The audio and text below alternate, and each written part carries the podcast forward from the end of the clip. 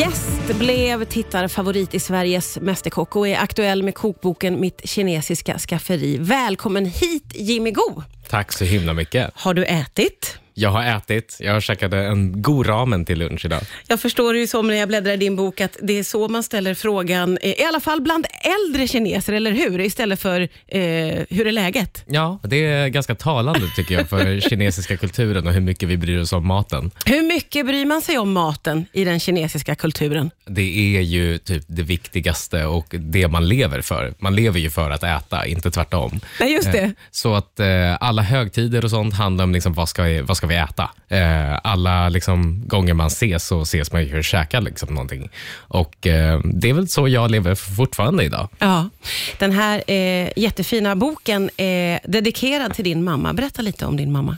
Eh, min mamma är ju den som fått mig att älska mat så himla mycket skulle jag säga. Hon är den som bjudit in mig till att från när jag var liten liksom stå med i köket, eller jag bjöd nog in mig själv kan jag säga. Du var nyfiken redan som liten? Ja, men väldigt nyfiken. Framförallt för att jag gillar att äta Eh, och ville ha liksom något att säga till om vad som skulle stå på bordet. Och Mamma tyckte det var kul också, så att vi, vi har liksom alltid haft matlagningen som någonting vi gör tillsammans. Och vad har du, vilka är dina finaste matminnen från när du var liten?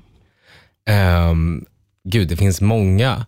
Um, alltså, men det är egentligen så här, skulle jag säga att vardagsmaten är ju det som man, som man egentligen minns när man tänker tillbaka på min mamma till exempel. Att hon eh, att tog hand om mig väldigt mycket själv och eh, jobbade väldigt mycket. Och att det ändå liksom kunde stå hemlagad mat på bordet varje kväll, det liksom säger ganska mycket om hur mycket ansträngning och kärlek man lägger i liksom att, att, att det ska finnas där. Liksom. Mm, mm. Det där är någonting som du måste ha tänkt på när du blev vuxen. Gud, att man hinner, att Ja. man orkar. Ja, livspusslet för guds skull. Ja, och där, det, det, säger, det är ganska talande för det, för det kärleksspråket skulle jag säga som, som mat är för oss. Du, vad skulle du säga att, eh, vad är kinesisk mat? Det är så himla mycket. Det, det jag skulle säga att det, det är kanske utan överdrift världens största matkultur, för det är liksom ett enormt land Ja. med väldigt många tusen års historia. Eh, det finns också så himla många olika regioner och klimat liksom, i, i landet som gör att det skiljer sig väldigt mycket beroende på vad man är. Man har ju liksom eh, det norra köket där man odlar mycket vete, så där äter man mycket mer nudlar och typ dumplings och liksom olika pannbröd. Ja. Eh, Man har det västra som har influenser från sidenvägen som har liksom lite så turkiska kryddstarka mellanöstersmaker. Eh, Du har det sydvästliga som är Sichuan eh, där de har liksom väldigt mycket chilihetta, eh, mycket liksom explosiva smaker och sen så har du liksom det östra eh, som är lite influerat av Sydostasien och så har du det kantonesiska till exempel som är liksom väldigt milda, finstämda smaker. Alltså, det, det är verkligen, jag skulle kunna prata om det här du har fått med väldigt, väldigt mycket. Jätteroligt att höra. Vi ska prata vidare strax här på Rix FM. Riks FM. Idag gästas jag av Jimmy Go som är, ja, vi känner honom från Sveriges Mästerkock, också aktuell med boken Mitt kinesiska skafferi. Som vi ju pratade om innan här så är boken dedikerad till mamma och du och mamma har ju ett jättespännande projekt ihop. Berätta. Vi har ju faktiskt spelat in ett tv-program ihop. Eh, alltså, det kommer heta Mamma och Jimmy Go. Eh, och det, är ett, det är ett matlagningsprogram och det är liksom som att en dröm gått i uppfyllelse för båda, båda oss två. Har mamma också drömt om att få laga mat i TV? Men säkert lite i hemlighet. Lite hon, hemlighet. hon är, hon är inte, lika, lite, inte lika mycket av en linslus som jag är. Kanske. Men jag vet att hon gillar det. Men vad otroligt kul att få göra en sån sak tillsammans. Ja, verkligen. Alltså, vi testade ju att jobba ihop mycket när vi gjorde själva boken. Så Ja. vi, spelade ju, eller, vi lagade ju många rätter för att plåtas. Ja, just det. Eh, och Då var hon liksom min eh, sidekick i köket och Ja. det gick ju väldigt bra. Så jag kände att nej, men nu kan vi ta oss an och göra det här framför kamera också. Det är jätte, jätteroligt. Hur kom det sig att du hamnade i Sveriges Mästerkock? Ehm, jag har ju tidigare jobbat eh, som, eh, inom modebranschen kan man säga, uh, jobbat som copywriter och kände att eh, nej, men nu har jag gjort det här ett tag. Eh, tittat väldigt mycket på Masterchef Australia, ett av mina favoritprogram. Ja. jag säga. Det bästa realityprogrammet som finns i världen. Ja, det är väldigt bra. Eh, och känt så här att nej, men det här skulle vara himla coolt att få uppleva själv. Eh, så jag tog och sökte in till programmet och skickade in det här webbformuläret. Ja. Och, ehm, det Va, vad hade du för känsla då när du skickade in? Tänkte du att det här kommer jag nog att greja? Jag tror, att- ja, men jag tror så här, att om jag tittade på en säsong av Sveriges Mästerkock och sen kände jag, nej men jag borde i alla fall kunna platsa i topp 12.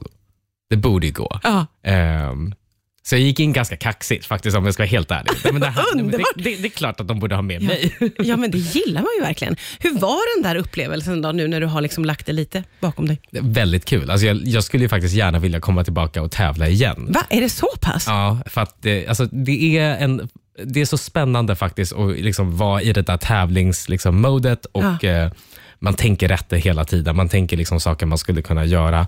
För det, Man behöver vara ganska taktisk när det kommer till att utforma rätter. Du behöver kunna utföra dem på den tiden. Ja. Eh, och Det absolut viktigaste skulle jag säga när man gör Mästerkocken är att man uppfyller uppgiften. Man ska verkligen tänka på vad briefen handlar om och liksom sätta den. Ja. Och, men då måste du vara en person som verkligen fungerar bra under press. Ja, annars får jag inget gjort. För att jag är för lat. Alltså du behöver verkligen ha den typen av Behö- behöver lite- omständigheter. Behöver lite press för att det ska bli någonting skulle jag säga. Men då funkar det tydligen ganska bra. Ja, det får man ju ändå säga. Det gick ju eh, väldigt, väldigt bra. Vi ska prata vidare strax här på Rix FM. Riks FM. Ja, idag är det Jimmy Go som gästar mig. Det är ju Sveriges Mästerkock. Jag ställer tusen frågor under låtarna också, för man är nyfiken på det här programmet, hur det är bakom kulisserna. Men du är ju också aktuell med boken Mitt kinesiska skafferi, en guide med recept. Eh, varför ville du göra den här boken? Eh, jag kände nog själv att jag skulle vilja ha den här boken när jag började laga mycket kinesisk mat. Alltså, jag ska säga så här eh, Jag har lagat mycket mat hemma, ätit mycket kinesisk mat hemma. Men när jag började laga mycket mat själv så var det inte kinesiskt som jag började med. Just för att det kändes ganska mystiskt. Så när jag själv verkligen började läsa på och typ så här, jag ska säga så här, det är ganska svårt att få recept ur sin mamma. Ah, För att allting sitter liksom i känslan och händerna. Så att hon ger aldrig några mått eller någonting sånt. Så jag behöver skriva ner dem, titta på när hon gör dem annars. oj, vilket jobb! Men eh, roligt jobb i och för sig. Men så att när jag började laga mycket kinesisk mat och var tvungen att hitta de här ingredienserna kände jag att det skulle vara väldigt skönt om en bok som den här fanns. Eh, för att förstå vilken sås ska man ha, vilken pasta ska man ha och exakt vad använder man dem till. Så den här boken vill ju vara väldigt pedagogisk och informerande så att man förstår vad ska jag köpa i den här asiatiska livsmedelsbutiken? Hur ser den här flaskan ut och vad gör jag med den sen? Ja. Eh, för att när det bara står som en rad i en ingredienslista så är det nog lite kryptiskt. För den kan heta massa olika saker beroende på hur de har översatt det Ah. namnet i butiken till just exempel. det. Ja. men för jag tror att många kan känna att det känns lite svårt, dels för att man behöver saker som man kanske inte har hemma i skafferiet och att man är rädd för tekniker. Och, att- eh, det finns många liksom, delar som gör att man är... Men det, med den här boken så eh, skulle du säga att vem som helst kan ge sig i kast med det kinesiska köket? Den är ju skriven på det sättet att vem som helst ska kunna laga de här rätterna, för det ska ju inte vara svårt. Mat är inte så svårt eh, om man vet vad man ska göra. Det är ju frågetecknen som gör det liksom som fallgropar, ska Ja, jag säga. ja. Eh, och Jag har testat de här recepten på folk som inte är så vana vid att laga mat och framförallt folk som inte är vana vid att laga kinesiskt. Ja. Och Nästan alla tycker liksom att det är väldigt kul och att det är lärorikt, att man lär sig någonting nytt. Det är mycket nytt, det ska jag säga. Ja. Så Mm. det är, liksom, det är mycket nya ingredienser, det är mycket nya tekniker.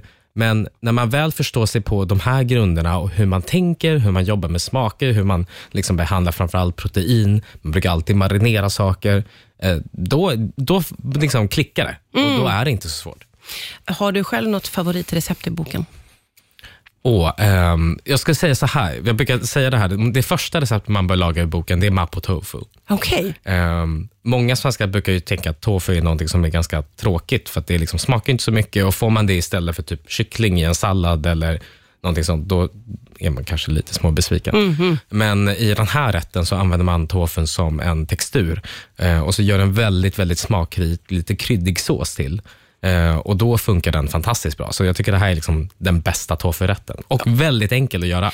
Gud vad spännande, det vill jag testa. Det är en jätte, jättefin bok, man blir väldigt inspirerad att faktiskt ge sig på. Tack så mycket för att du kom hit idag, Jimmy Go. Tack.